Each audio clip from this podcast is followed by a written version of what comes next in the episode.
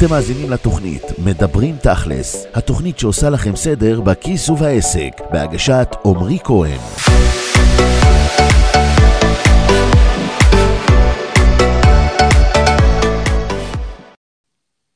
היי, hey, אני רחלי, וברוכים הבאים לעוד פרק בפודקאסט מדבר עם תכלס. בפודקאסט הזה אני מראיינת את עמרי כהן, יזם, מנטור, מיליונר, כדי ללמוד ממנו על כסף, עסקים והתפתחות אישית, שלושה תחומים שאנחנו מאמינים שמשיקים ומזינים אחד את השני. והמטרה שלנו בכל פרק היא לעזור לבעלי עסקים לצמוח גם עסקית וגם אישית לרמות הכי גבוהות שאפשר.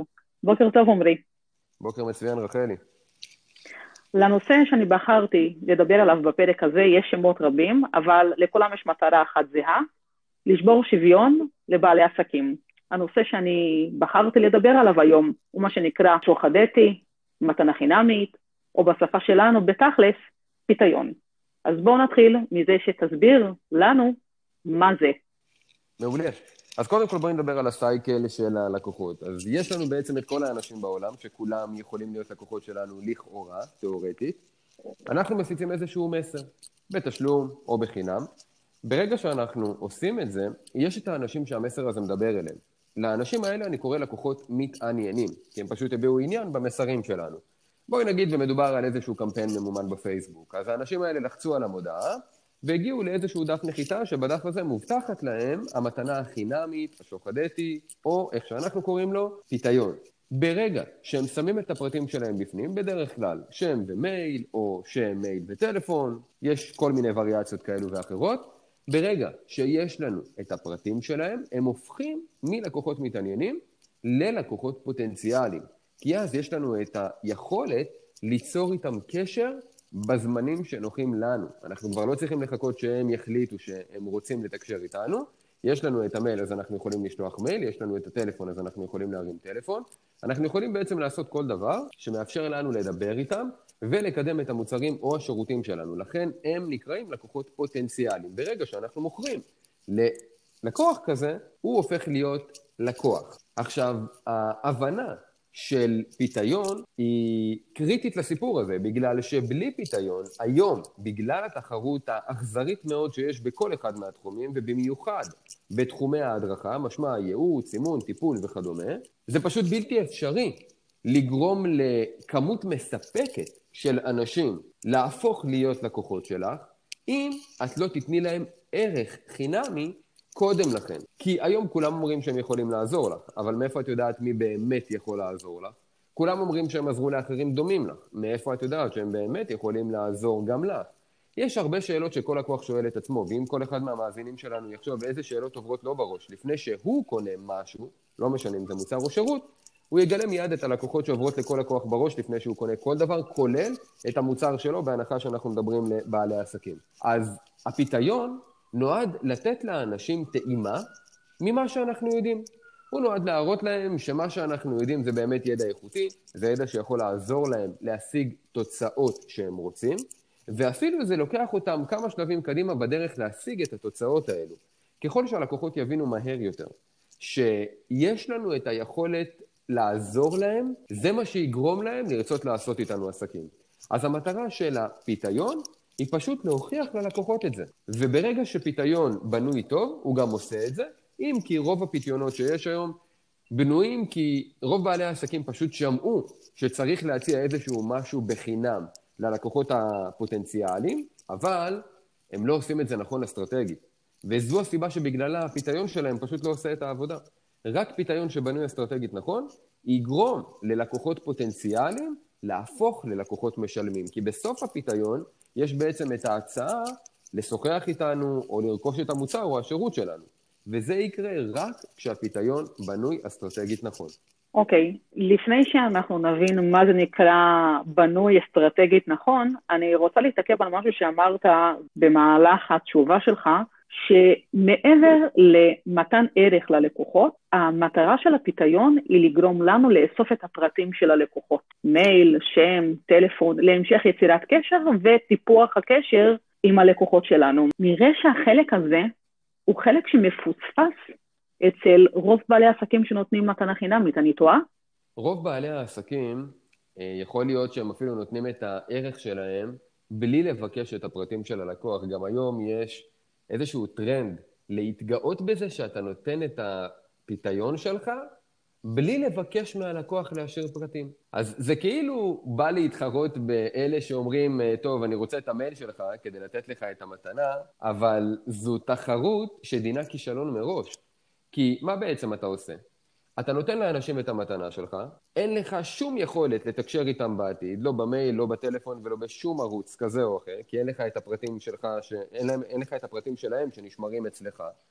ובעצם, לפי מחקרים, אתה מכוון לשלושה אחוזים בלבד מהאוכלוסייה, שלושה אחוזים, במקרה הממש ממש ממש טוב, שהם מספיק בשלים, עוד לפני שהם אפילו הגיעו למסר שלך, כדי לקנות את מה שאתה מציע להם. זאת אומרת, תפסת את הלקוחות האלו בטיימינג המושלם, ומאוד יכול להיות שמתוך 100 אנשים, שלושה במצב אידיאלי, בדרך כלל זה יותר נוטה לכיוון אחד, אחוז אחד בלבד, הם כן יקנו את המוצר שלך. זה אולי גם, אגב, מה שגורם לבעלי העסקים האלה לחשוב שמה שהם עושים עובד. כי בסוף יש אנשים שקונים, יש את האחד ממאה. אבל הם לא מסתכלים על, יותר נכון, אה, מחצי הכוס הריקה, לומר על 99 אחוז הכוס הריקה, שזה בעצם הלקוחות שהם עדיין לא בשלים מספיק, אבל הם נמצאים באיזשהו שלב בשלות שהוא יכול להיות שהוא מאוד קרוב לתהליך הרכישה, ושאם היו ממשיכים איתם איזשהו קשר במשך תקופה קצרה, אז חלק גדול מהם, לפי מחקרים אגב, כמעט 40 אחוזים במצטבר, כן יהפכו ללקוחות משלמים בטווח זמן של מספר חודשים בודדים, פחות משלושה חודשים בדרך כלל. וזה מה שהם מפספסים. ברגע שהם לא עושים את זה, ברגע שבעלי עסקים נותנים איזשהו פיתיון בלי לקחת את הפרטים של הלקוח, הם פשוט מאבדים 99% מהפוטנציאל העסקי שלהם. וכן, יש כאלה שעושים את זה, כמו שאמרתי, בעיקר כדי כאילו לייחד את עצמם, בגלל שכולם מבקשים את המייל שלך כדי לקבל את המתנה, אז אני לא.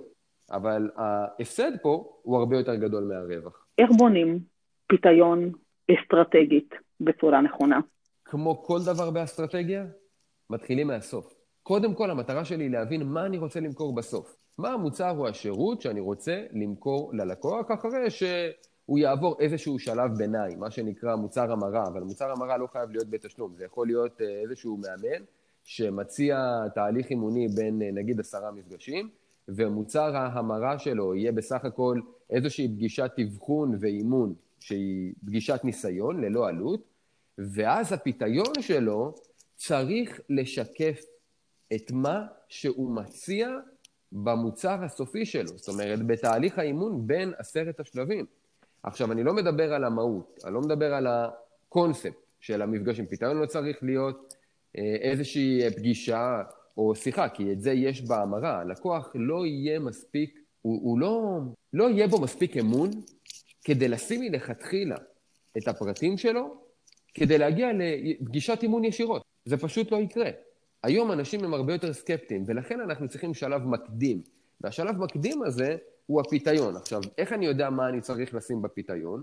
אז אמרתי, מתחילים מהסוף. ברגע שאני יודע איזה תוצאות תהליך האימון שלי עוזר לאנשים להשיג, אני חושב על תוצאות הביניים שהאנשים האלה יכולים להשיג בדרך. ברגע שאני מבין מהן תוצאות הביניים האלו, אני בוחר בתוצאה אחת, שהיא הכי מטרידה את הלקוחות, שהיא הכי גורמת להם לסבל, במרכאות כמובן, זאת אומרת, הם מוטרדים מזה, זה כואב להם, ההשפעות מהבעיה הזו שהם סובלים ממנה הן מאוד גדולות. בקיצור, הם היו שמחים לפתור את הבעיה הזו, וגם אני יכול לעזור להם לפתור את הבעיה הזו מרחוק. זאת אומרת, באמצעות הפיתיון, שיכול להיות מדריך, או סדרת סרטונים, או איזשהו דוח, או כל דבר אחר שבעצם ייתן להם את הידע, במקרה של המאמן, בשביל לפתור את הבעיה הזו. ולכן גם הפיתיון צריך להיות קצר, קל לצריכה, מועיל מיד, משמע עוזר ללקוח לפתור את הבעיה מיד. עכשיו, תשימו לב, זה לא פותר את הבעיה שאני אפתור ללקוח כשהוא יגיע אליי לתהליך האימון. זה לא פותר לו את הבעיה הגדולה, אבל זה פותר לו איזושהי, איזושהי בעיה קטנה. זה עוזר לו להשיג תוצאה קטנה, שהיא חלק ממה שאני יכול לעזור לו להשיג בתהליך האימון. ברגע שאני עושה את זה, אני מוכיח לו שאני באמת יכול לעזור לו. הוא מקבל ערך, אני שיפרתי את החיים שלו, וזה עוד לפני שהוא הוציא שקל. וזה לוקח את האמון לשלב הבא. עכשיו, זה לא אומר שהוא יקנה, אבל זה אומר שעכשיו הסיכוי שהוא ישים את הפרטים שלו כדי לדבר איתי בטלפון או להגיע אליי לפגישת האימון הניסיונית הזו, הוא הרבה הרבה הרבה יותר גדול. וזאת המטרה של הפיתיון. המטרה של הפיתיון לא למכור, וגם זו טעות שעושים הרבה אנשים. כבר בפיתיון, הם מדברים על המוצר הסופי שהם מוכרים. לצורך העניין, בדוגמה הזו, המאמן ידבר כבר בפיתיון על תהליך האימון שלו. לא רלוונטי. כל שלב צריך למכור את השלב הבא.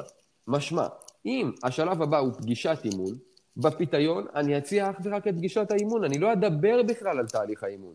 ובפגישת האימון, אני לא אדבר על כל המוצרים שאני יכול להציע, אני אדבר רק על תהליך האימון, שאותו הפגישה הזו נועדה למכור. ברגע שאני פועל מהסוף להתחלה, ברגע שאני נותן ללקוח ערך, מראש, עוד לפני שהוא סיים, וברגע שכל הקצוות האלו מחוברים לתמונה אחת שלמה, הפיתיון עושה את העבודה, ואז אנחנו יכולים להפוך לקוחות פוטנציאליים ללקוחות משלמים. מה הסיבה שכל שלב מוכר רק את השלב הבא, ואי אפשר לדבר על מוצרים נוספים או על השלבים המתקדמים יותר בתהליך?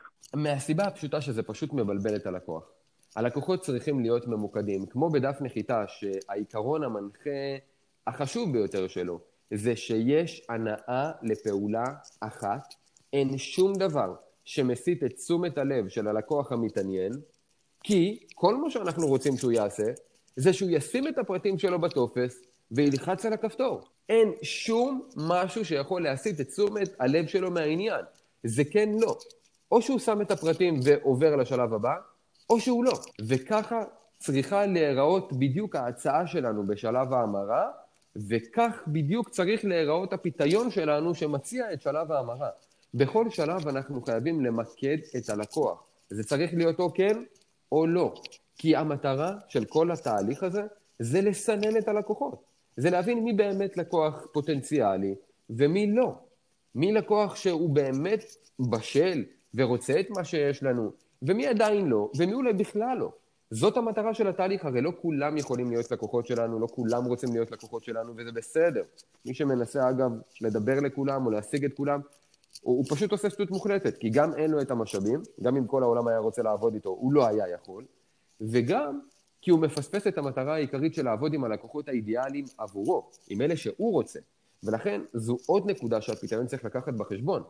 אם הפיתיון לא נבנה מראש עם אחד המרכיבים האסטרטגיים החשובים ביותר באסטרטגיה השיווקית, שזה ההבנה מי הלקוח האידיאלי ומה המסר המדויק שאני רוצה להגיד לו, אז גם כל התהליך הזה, בכללותו, של מהפיתיון להמרה למוצר הרווח, מה שנקרא, שאני יכול למכור, התהליך הזה לא יעשה את העבודה. כי הוא לא יסנן לי בכלל את האנשים שאני רוצה למשוך. הוא פשוט יביא לי את האנשים שבשלים, וזהו. אבל מי אמר שאני רוצה רק את האנשים הבשלים? מי אמר שאלה הלקוחות האידיאליים והנכונים ביותר עבורי? לכן הפתרון צריך להילקח ברמה האסטרטגית גם ברמת התוכן, אבל גם ברמת המעטפת שלו, שזה לסנן את הלקוחות ולהביא לי בסופו של דבר לא רק לקוחות משלמים, אלא לקוחות אידיאליים משלמים.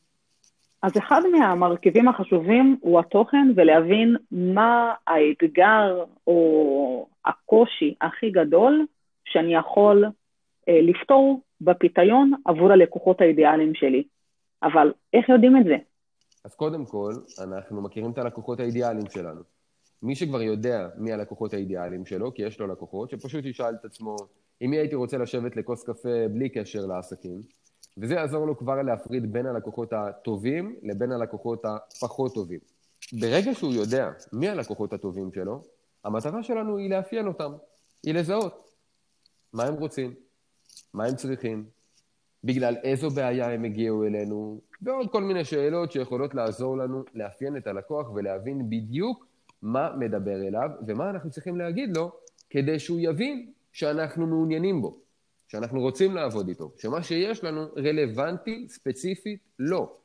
שהמוצר או השירות שלנו מייצר לאנשים מהסוג שלו את התוצאות הטובות ביותר האפשריות. ברגע שאנחנו עושים את כל הדברים האלו, אז אנחנו יכולים למשוך את הלקוח שרואה את המסרים האלו, מתחבר אליהם, ונכנס לתוך המשפך שלנו, וגם בעבודה טובה של הפיתיון, עובר את כל השלבים, ומגיע לתחנה הסופית שבה בעצם הוא קונה את המוצר או את השירות שלנו. עכשיו, התוכן הוא מאוד מאוד חשוב, כי המטרה שלנו היא לפתור בעיה ללקוח. עכשיו, אני אדייק רגע את מה שאמרת. אנחנו לא צריכים לפתור את הבעיה הגדולה ביותר או את האתגר הגדול ביותר ללקוח. אנחנו פשוט צריכים לפתור לו בעיה שמטרידה אותו, אבל היא יכולה להיות גם בעיה קטנה, אבל היא צריכה פשוט להטריד אותו. זאת אומרת, זה צריך להיות משהו שמאוד מאוד מעניין אותו. אתן לך דוגמה פשוטה, למשל, דווקא מסוג אחר, יועד תזונה, שרוצה פשוט מאוד לבנות איזשהו פיתיון, הוא לא חייב עכשיו לעזור לאנשים לרדת במשקל. זה, קודם כל, אם הוא עושה את זה, זה מצוין.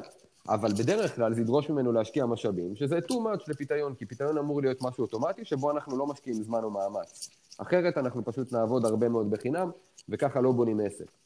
אז אם למשל, הוא ייתן לאנשים את רשימת המאכלים שכדאי להם לאכול ורשימת המאכלים שכדאי להם להימנע מהם, כדי לרדת במשקל. אז לא פתרתי להם את כל הבעיה, כי הם לא ירדו במשקל מזה. אבל קודם כל עזרתי להם לפתור בעיה מאוד בסיסית שהם כל הזמן מתחבטים בה. כי נגיד והם הולכים לאירוע, אז הם מתלבטים, רגע, מה מותר לי, מה אסור לי? מה יגרום לי להשמין ומה לא. או שעכשיו הם נמצאים ביום מאוד עמוס והם רוצים לחטוף איזה משהו בחוץ באיזו מסעדה, והם לא יודעים מה לקחת ומה לא. ברגע שאני אתן להם רשימה כזאת, אני פותר להם בעיה. זאת לא בעיה גדולה, זאת בעיה קטנה, אבל זאת בעיה שמטרידה אותם. וברגע שהם יראו שבאמת מה שנתתי להם עוזר להם, גם אם רק לעשות סדר, גם אם רק למפות את, ש... את כל המאכלים ולהגיד להם מה כן ומה לא, זה לבדו יגרום להם להגיד, וואלה, בוא נראה מה יש לבן אדם הזה להציע. וזה כל מה שצריך כדי שהבן אדם יעבור לשלב הבא. מצוין. זאת אומרת שבעל עסק צריך לשאול את הלקוחות האידיאליים שלו ולהבין מה מטריד, מה מאתגר אותם, מה עושה בעל עסק ללא לקוחות. אז בעל עסק ללא לקוחות מזהה קודם כל מראש איזה סוג של אנשים הוא רוצה לעבוד איתם, ואז הוא נכנס לכל מיני פורומים, לכל מיני קבוצות פייסבוק, הוא יכול לקרוא כל מיני ביקורות על ספרים בתחום, ולראות מה אנשים כותבים. אפשר ללמוד מהדברים האלו המון.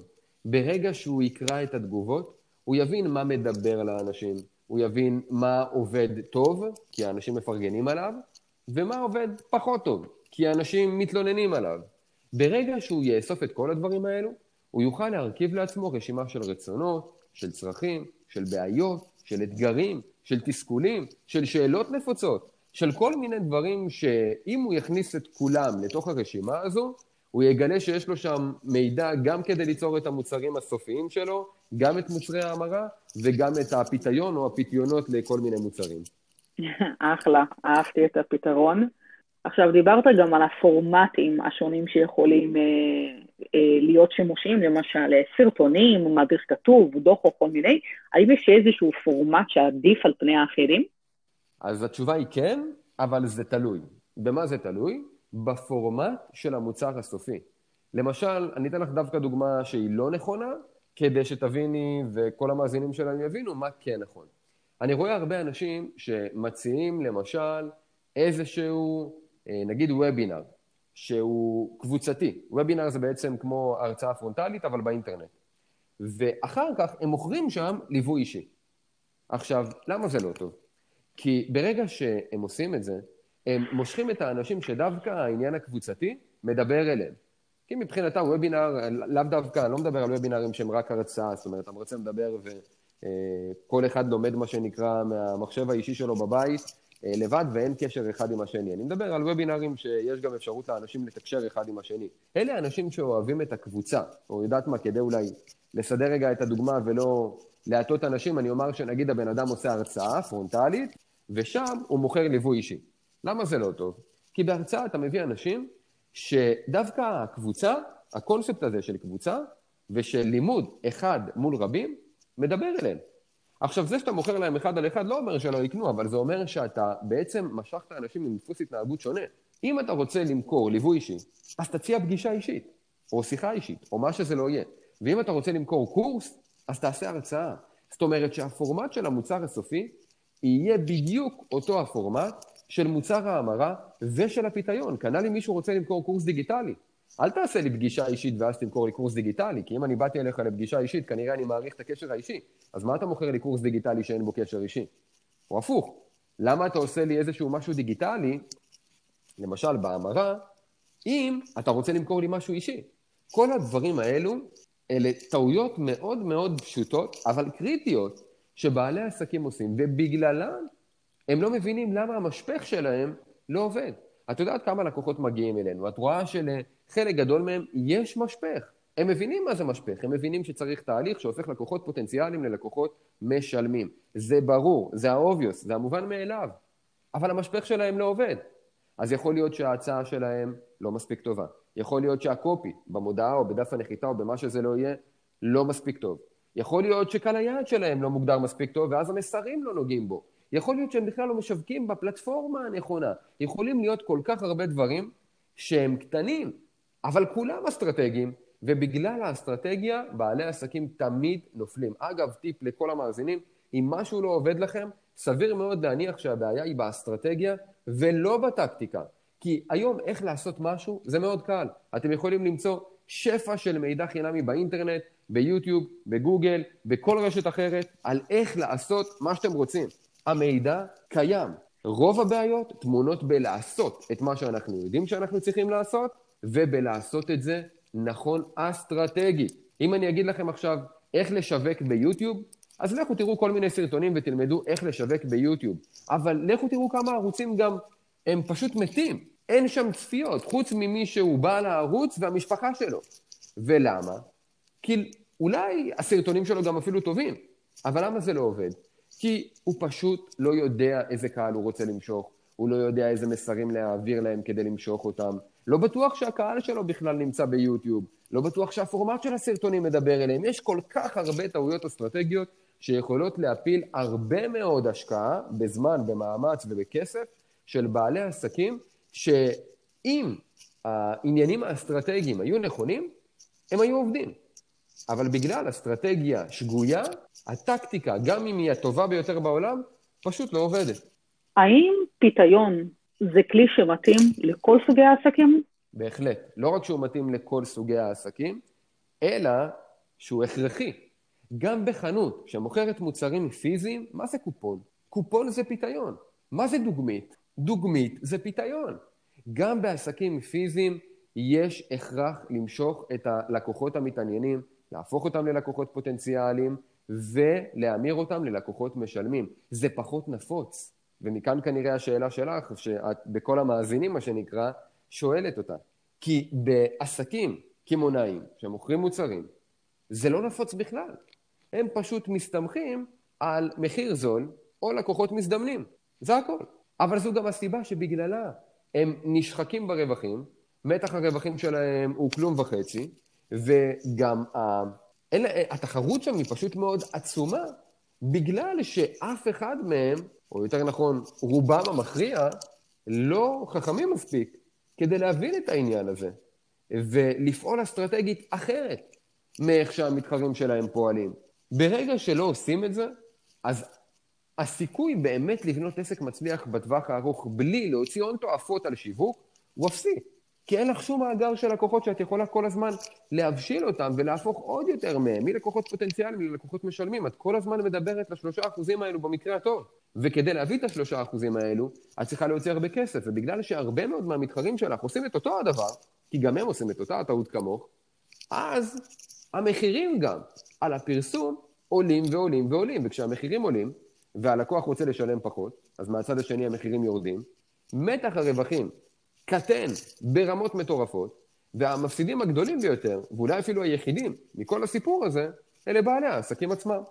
יש לך איזושהי דוגמה לפיתיון יצירתי, מוצלח, שהפתיע אותך בתוצאות שלו?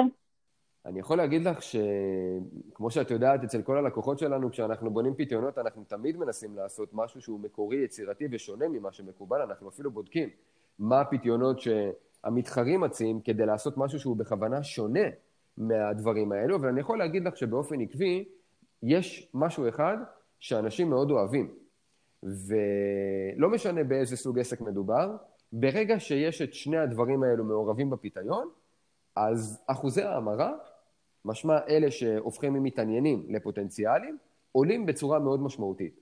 שני הדברים האלה הם צ'קליסטים ותבניות.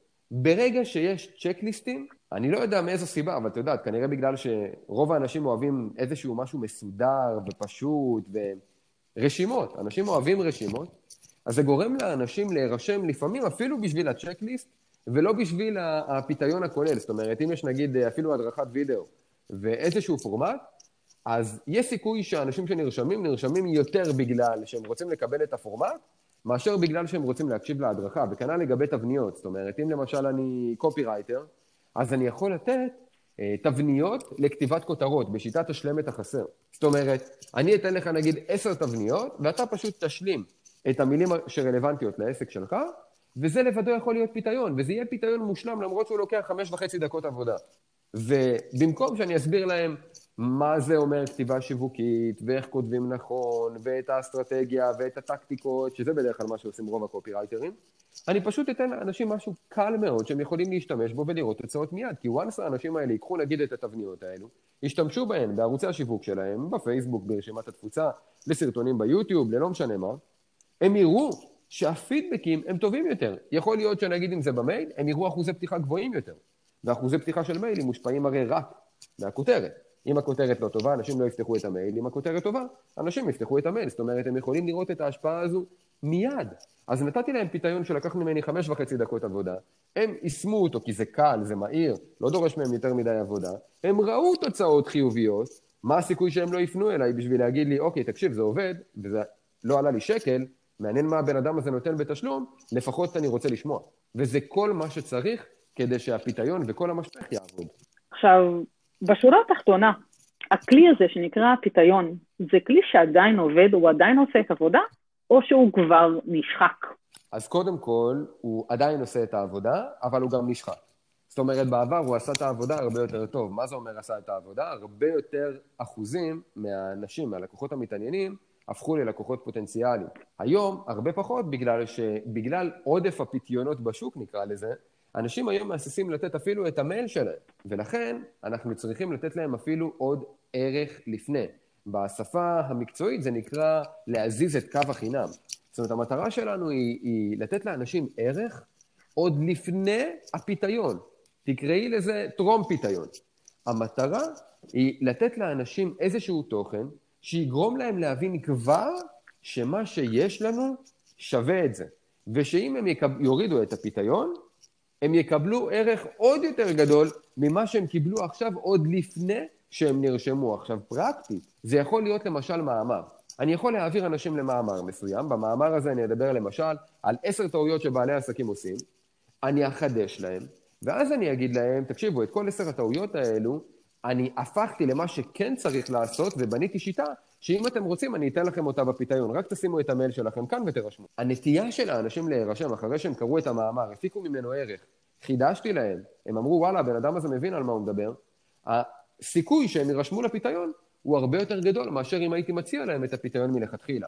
ולכן היום האסטרטגיה היא, אגב, של רוב האנשים לא עושים את זה. אם את תראי למשל מודעות בפייסבוק, את תראי שכולם משווקים ישירות לדף ההרשמה לפיתיון. זו טעות. אנחנו פועלים אחרת. אנחנו בונים, קודם כל, מה שאני קורא לו גשר. אנחנו בונים גשר, גשרים לפני הפיתיון, כדי להעלות את רמת האמון של הלקוחות הפוטנציאליים כבר בשלב הזה. ברגע שאנחנו עושים את זה, אחוזי ההמרה לפיתיון עולים, ובגלל שהם עולים, גם אלה שנרשמים אחר כך לשלבים הבאים, עולים גם כן. וזה המצב שאנחנו רוצים. אנחנו רוצים להיות כמה שיותר יעילים, משמע להפיק את המקסימום במינימום. מה גם שנגלה סוד שקשור לפרסום ממומן בפייסבוק, שהרבה אנשים לא יודעים, יש בפייסבוק מה שנקרא ציון רלוונטיות. הציון הזה נע בסקאלה של בין 0 ל-10. ככל שציון הרלוונטיות גדול יותר, מחיר המודעה נמוך יותר. איך משיגים ציון רלוונטיות גדול יותר? ככל שאנשים לוחצים לייקים, מגיבים, משתפים, מביעים עניין במודעה ולא לוחצים עליה כספאם, ציון הרלוונטיות עולה. את מכירה מודעה שאנשים יגידו לך, בואי תרשמי להוריד א', ב', ג', בלי לתת לך שום ערך, ואנשים באמת ילחצו לייקים, תגובות או ישתפו? לא. כדי שזה יקרה, אנשים צריכים לקבל ערך, כי במיוחד בכל מה שקשור ללייקים או תגובות או שיתופים, אנשים מדברים על מה שהם קראו, הם צריכים לקבל שם ערך. אז הרבה יותר חכם בקמפיין ממומן, בפייסבוק או בכל פלטפורמה אחרת, זה לכתוב איזשהו מאמרון קטן, לתת כמה טיפים, שאנשים יכולים ללחוץ עליהם לייק, להגיב, לשתף, כי הם רואים בזה ערך עבורם ועבור אחרים, ואז גם הנטייה שלהם להירשם לפיתיון תהיה גדולה יותר, ולא פחות חשוב מכך, זה יעלה לנו את ציון הרלוונטיות ויוריד את מחיר הפרסום בפייסבוק או בכל רשת חברתית אחרת. מי שיעשה את זה יראה את התוצאות. אז איך יודעים שהפיתיון שלנו עובד? מבחינתי יש רק מדד אחד, כמה אנשים נרשמו לשלב הבא. הרבה אנשים חושבים שאני מודד את הפיתיון לפי הפידבקים שאני קיבלתי מהאנשים שקראו או צפו בו או האזינו לו או מה שזה לא יהיה. הרבה אנשים חושבים ש... אה, איך, איך שאני חושב על הפיתיון, זה מה שקובע עד כמה הפיתיון טוב, שזו שטות מוחלטת בכלל. הנקודה היא שיש מדד אחד, כמה אנשים עברו לשלב הבא. ככל שיחס ההמרה בין הפיתיון לבין השלב הבא גדול יותר, זה אומר שהפיתיון טוב יותר. שום מדד אחר לא קורה. יש איזשהו יחס המרה שאנחנו, שאתה יודע שמקובל, שנחשב למוצלח? אני יכול להגיד לך שהממוצע הוא באזור ה-20 אחוזים, אבל בגלל השחיקה. היום הוא אפילו פחות מ-15 אחוזים, והייתי מהמר אפילו על 10 אחוזים, אין איזשהו מחקר חדש בעניין הזה, אבל אני יודע לחלוטין שיש ירידה ושחיקה. אז הייתי אומר שיחס, בואי נאמר ככה, של 20 אחוזים זה יחס שהוא כבר בממוצע והוא טוב. כל יחס מעבר ל-20 אחוזים אומר שאתם עושים עבודה... זאת אומרת, היחס בין אנשים שנחשפו למודעה, לפיתיון, לאלו שבאמת הורידו ונרשמו לקבלת הפיתיון, זו הכוונה? זאת אומרת שאם לצורך העניין יש נגיד 100 אנשים שראו את המודעה, מתוכם בדרך כלל, זה תלוי גם כן בכמה אנשים לחצו עליה, זה תלוי באיכות המודעה כבר, זה לא קשור לפיתיון או לדף ההרשמה לפיתיון, זה קשור רק לאיכות המודעה, אז בואי נגיד וזו מודעה אה, פנומנלית שגורמת לעשרה אנשים מתוך אה, מאה ללחוץ עליה, שזה כמובן אה, נתונים מצוינים, כי הנתונים הם הרבה פחות אה, מהמספר הזה.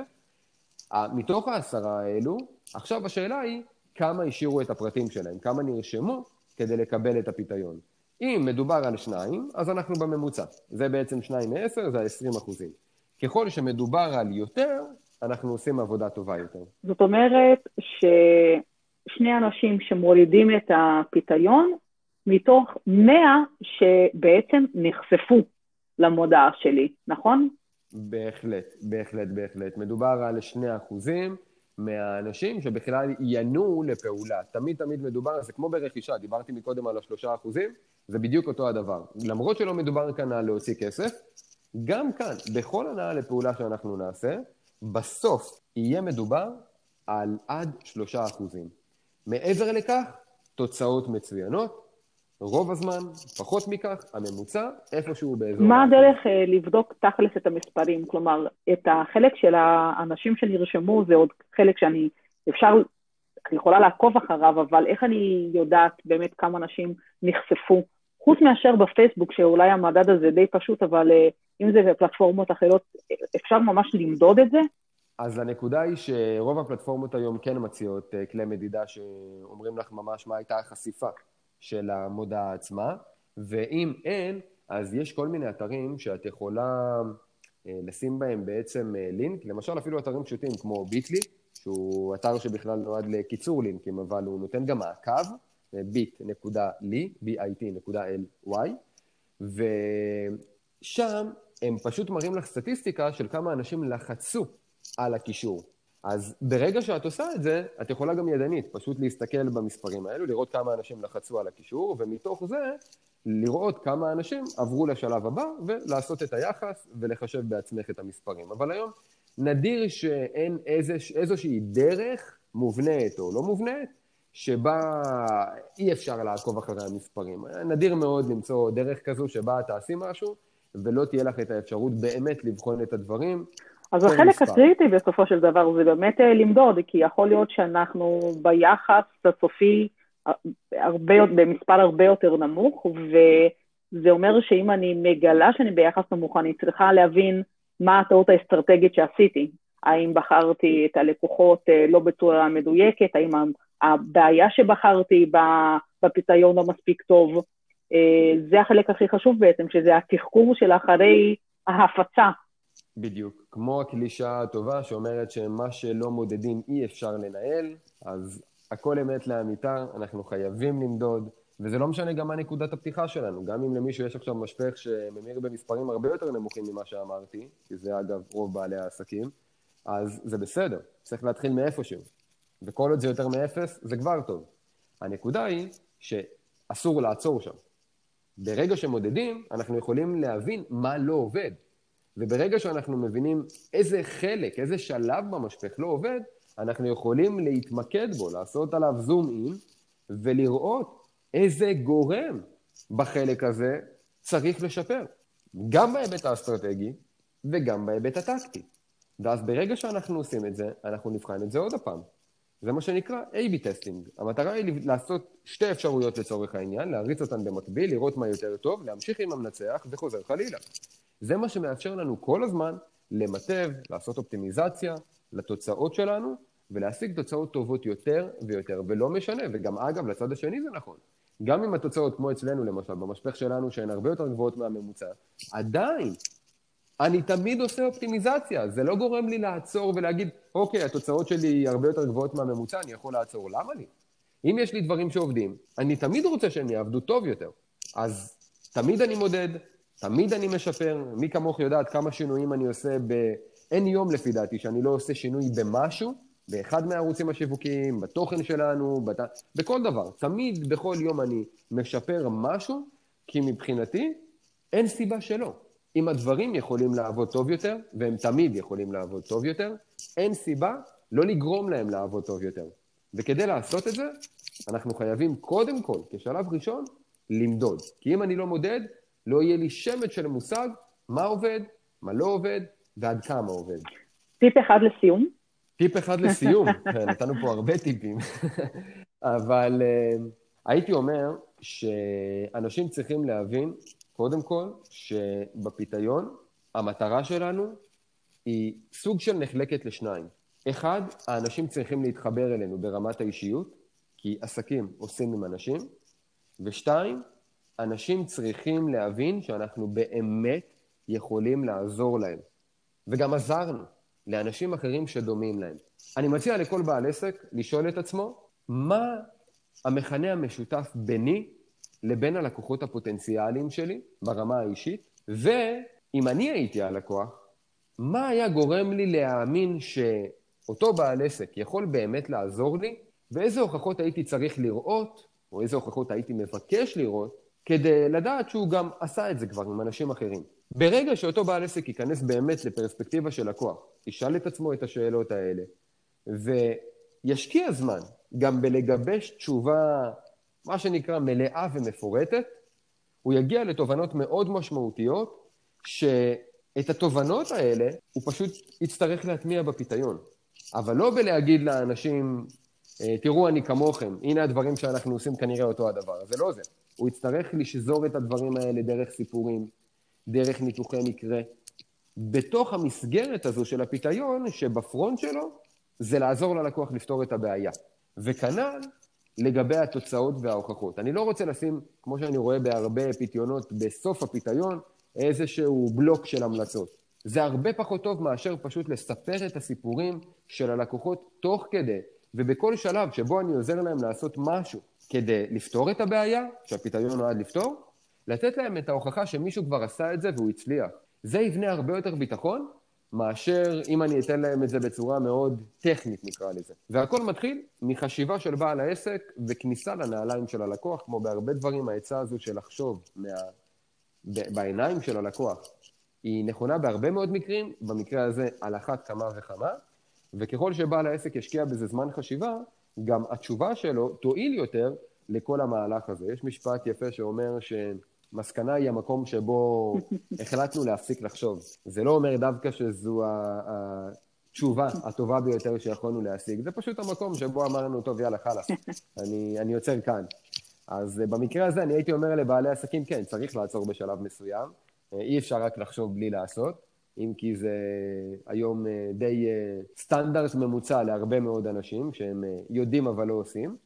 בכל מקרה, אני מקווה שלא אלה שמאזינים לנו. אז כן צריך לעצור, ולחש... לעצור אחרי תהליך חשיבה מסוים, אבל לא הייתי אומר להם לעצור אי פעם בלתת לעצמם כל הזמן תשובה טובה יותר ויותר ויותר לשאלות האלה. כי כמו שאמרתי, אנחנו תמיד יכולים לשפר את הדברים, וככל שאנחנו נבין איך אנחנו יכולים לענות על השאלות שהזכרתי קודם בצורה טובה יותר, אנחנו כל הזמן נשפר את המשפך שלנו בכללותו, והתוצאות רק יהיו טובות יותר ויותר מפעם לפעם. אחלה. אני למדתי, דיברנו על טעויות שבעלי עסקים עושים בכל מה שקשור למתנה חינמית, דיברנו על החשיבה אסטרטגית לעומת חשיבה טקטית, דיברנו על מדידות ודיברנו על הרבה מאוד נושאים שבעלי עסקים כביכול מכירים, אבל את כל החשיבה מאחורי העניין, זה מקבלים רק אצלנו, בתכלס וכששומעים אותך. אז אני מודה ומעריכה מאוד את התשובות שלך. תודה שהייתם איתנו ותודה עמרי. בשמחה, בשמחה. את יודעת אה, שזה רק אה, קצה הקרחון, כי בתהליכים שלנו יש מודלים מאוד ברורים לאיך אנחנו בונים פיתיונות, יש, אה, יש לנו שלושה מודלים שהם פשוט סוסים מנצחים לאיך לגרום לאנשים להירשם. את יודעת שיש לנו מבנה מאוד ספציפי לדפי הרשמה, דפי תודה, להמרה, למוצרים. אצלנו השיטה באמת היא שונה. והדברים האלה, כמובן, הם שמורים אך ורק ללקוחות שלנו. לגמרי. בזה אנחנו סיימנו את הפרק הזה. אם אהבתם, שתפו את הפרק עם משפחה, חברים, ללמוד בעלי עסקים.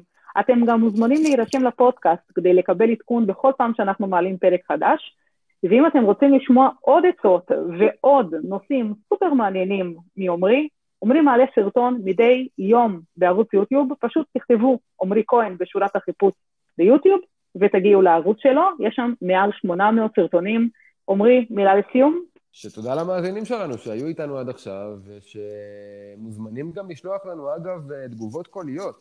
אה, אם הם אה, יחפשו אותנו באנקור, מה שנקרא, אז אה, זה A-N-C-H-O-R, שזה גם פלטפורמה לפודקאסטים, שם יש אפשרות ממש כמו בוואטסאפ, לשלוח לנו הודעה קולית. אז אם יש לכם שאלות שקשורות לנושא הזה, או לנושאים אחרים, או אם יש לכם בקשות לנושאים, לפודקאסטים הבאים, או אם בא לכם לפרגן, או כל דבר שבא לכם, אתם פשוט יכולים לעשות את זה, ורחלי תשמח אה, לקבל את המשובים שלכם, את השאלות שלכם, את האינפוטים שלכם, ולהפוך את הפודקאסט ליותר ויותר טוב עבורכם.